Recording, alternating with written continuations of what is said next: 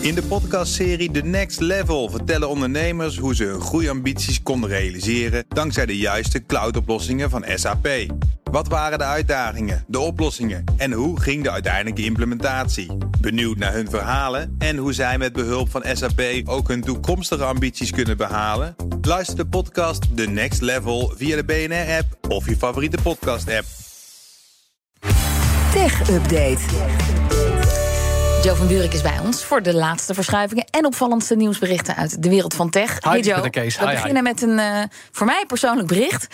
Pas op voor de nep klantenservice op X. Ja, dat waarschuwt uh, onder meer KLM voor. Wat ja, is er aan de hand? Nou ja, een tijdje was dat toch best handig, hè? Dat je op Twitter toen nog het account van bijvoorbeeld KLM of PostNL of wie dan ook kon aanhaken. Te vragen hoe het nou zit met je vlucht Ja. of je pakketje.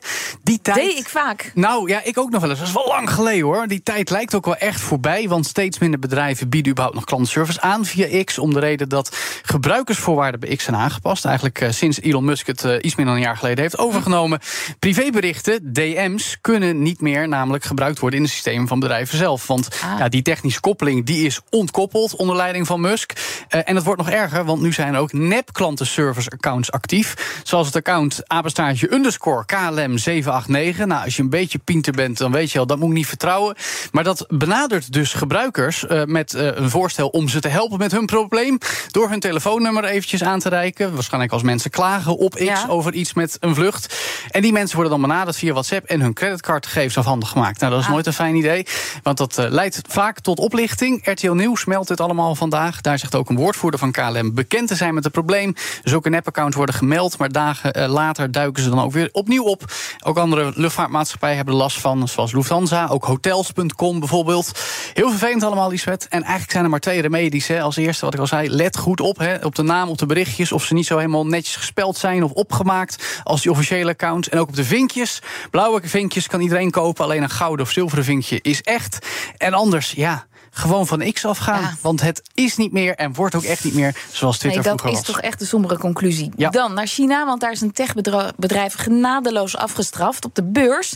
Na een opvallende actie van een AI-toepassing. In China hebben ze namelijk zoiets als socialistische AI. Althans, die term hebben we eerder dit jaar wel eens horen langskomen. Want dat verwijst naar de socialistische waarden van de Chinese maatschappij. Die ook in AI-taalmodellen en toepassingen moeten terugkomen. Dus je kan je voorstellen dat zo'n AI-tool in China bepaalde dingen niet mag zeggen over Ja. Taiwan, Oeigoeren of hun grote leider. In dit geval, daarover gesproken, de oude grote Mao Zedong, grondlegger van de Volksrepubliek China. In een essay viel te lezen dat hij werd beschreven als bekrompen en intolerant. Als aanstichter van de grote culturele revolutie. Gegenereerd door AI, althans. Die woorden stonden op de tablet van een leerling. Kwamen dus voort uit een AI-toepassing. Foto's ervan gaan rond op sociale media in China. En het bedrijf achter het product, iFlyTech, staat nu 10% in de min op de beurs. Oh. Meldt Reuters. Ja, je kan je er niet bij voorstellen. Het probleem zou inmiddels aangepakt zijn, zegt iFlyTech. En ja, het geeft natuurlijk aan dat AI niet perfect is. Zelfs niet in landen met andere denkbeelden dan wij. Eh, ik bedoel, vragen iets aan ChatGPT of Google Bart. Het zal ook niet altijd het correcte antwoord zijn. Dat blijft belangrijk om Nou te ja, of benadrukken. gewenst, niet het gewenste gewenst, ja, dat is het punt. Je kan Ja. discussiëren of het wel of niet correct is of gewenst. Maar ja, extra pijnlijk is nog wel eens voor dat iFlyTech... dat ze net vandaag een nieuw AI-taalmodel, Spark, hadden onthuld... dat eh, over een tijdje net zo goed zou moeten zijn als GPT-4... het taalmodel van OpenAI, dat echt de ChatGPT zit.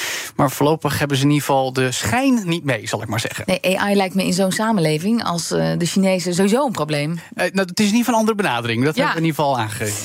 Tot slot dan nog iets eh, in het kader van social media. Want je wilt nog even hebben over mogelijk het nieuwe alternatief voor Instagram. Ja, dat is een dingetje, want we hebben er al zoveel alternatieven voor Instagram. De populairste, meest controversiële natuurlijk TikTok. Snapchat bestaat nog steeds.